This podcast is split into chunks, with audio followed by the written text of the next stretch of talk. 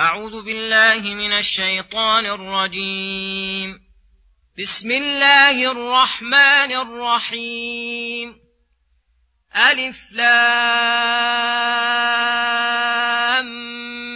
ميم. الله لا إله إلا هو الحي القيوم.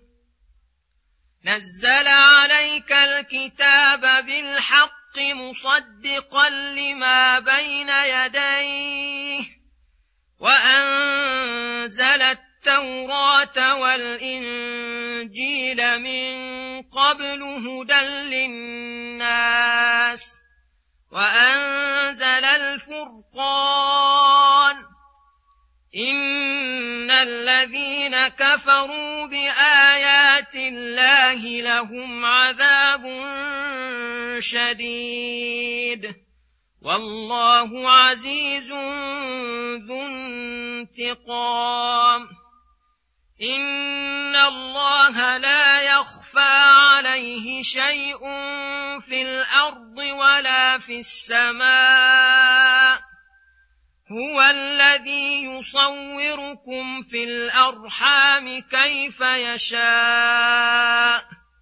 لا اله الا هو العزيز الحكيم هو الذي انزل عليك الكتاب منه ايات محكمات هن ام الكتاب وأخر متشابهات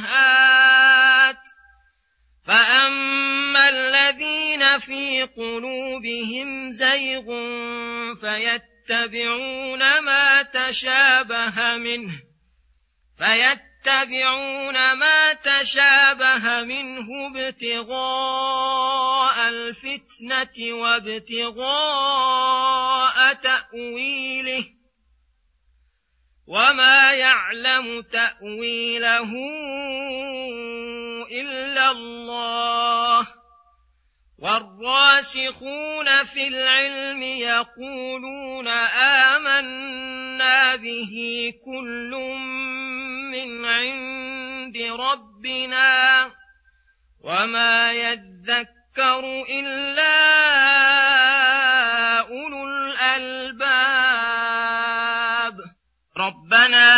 تزغ قلوبنا بعد إذ هديتنا وهب لنا من لدنك رحمة إنك أنت الوهاب ربنا إنك جامع الناس ليوم لا ريب فيه إن الله لا يخلف الميعاد بسم الله الرحمن الرحيم.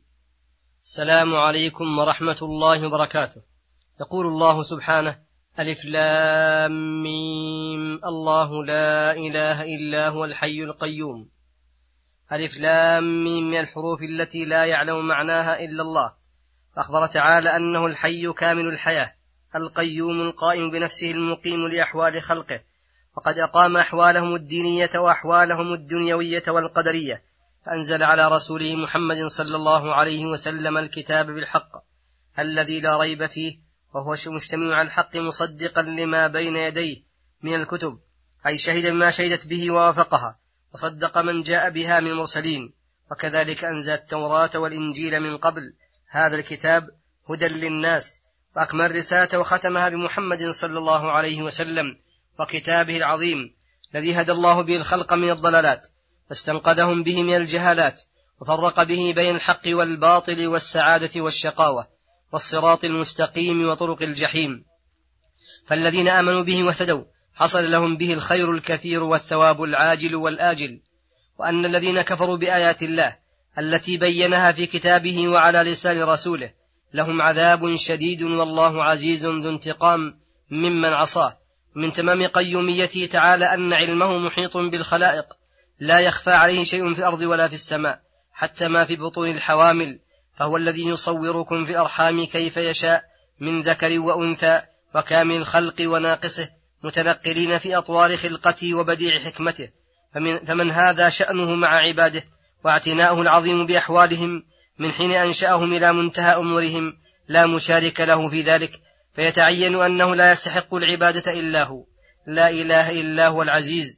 الذي قهر الخلائق بقوته واعتز عن, واعتز عن أن يوصف بنقص أو ينعت بذم الحكيم في خلقه وشرعه.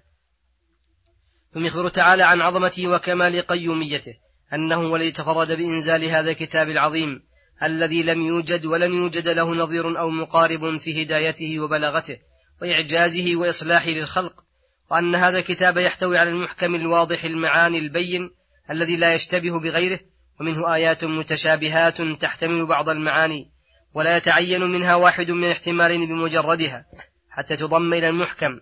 فالذين في قلوبهم مرض وزيغ وانحراف لسوء قصدهم يتبعون المتشابه منه. فيستدلون به على مقالاتهم الباطلة وآرائهم الزائفة طلبا للفتنة وتحريفا لكتابه وتأويلا له على مشاربهم ومذاهبهم ليضلوا ويضلوا. أما أهل العلم الراسخون فيه الذين وصل العلم واليقين إلى أفئدتهم فأثمر لهم العمل والمعارف فيعلمون أن القرآن كله من عند الله وأنه كله حق محكمه متشابهه ومتشابهة محكمه ومتشابهة وأن الحق لا يتناقض ولا يختلف. فلعلم من المحكمات معناها في غاية الصراحة والبيان يردون إليها المشتبه الذي تحصل فيه الحيرة لناقص العلم وناقص المعرفة. فيردون متشابه المحكم فيعود كل محكما ويقولون آمنا به كل من عند ربنا وما يذكر للأمور النافعة والعلوم الصائبة إلا أولو الألباب أي أهل العقول الرزينة. ففي هذا دليل على أن هذا من علامات أولي الألباب وأن اتباع المتشابه من أوصاف أهل الآراء السقيمة والعقول الواهية والقصود السيئة. فقوله وما يعلم تأويله إلا الله. إن أريد بالتأويل معرفة عاقبة الأمور وما تنتهي وتؤول تعين الوقوف على إلا الله حيث هو تعالى المتفرد بالتأويل بهذا المعنى. وإن يريد بالتأويل معنى التفسير ومعرفة معنى الكلام كان العطف أولى. فيكون هذا مدحا للراسخين في العلم أنهم يعلمون كيف ينزلون نصوص الكتاب والسنة محكمها متشابهة.